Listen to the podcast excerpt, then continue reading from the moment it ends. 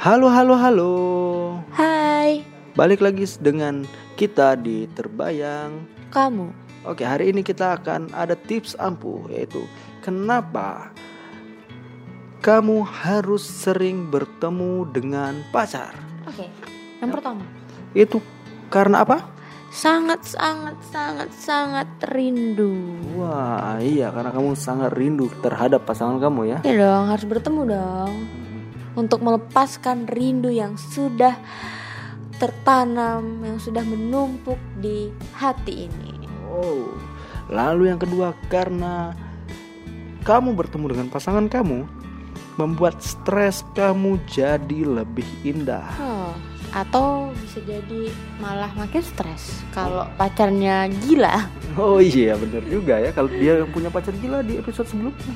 Wah, Bisa stres dong, malah makin stres, bukan menghilangkan, malah nambah stresnya. Kan hancur dong, habis kalau gitu. Iya, Bahaya bener. dong.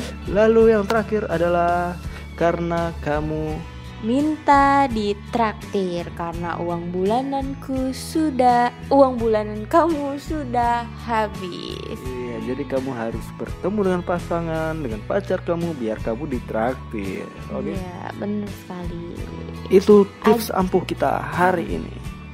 Jangan lupa kasih tahu teman kalian kalau tips ampuh ini emang ampuh ya. Kalau kalian nggak suka ya udah diamin aja, jangan protes-protes. Gitu. Jangan lupa follow Instagram kita di Terbayang kamu. Oke. Bye bye. Cium.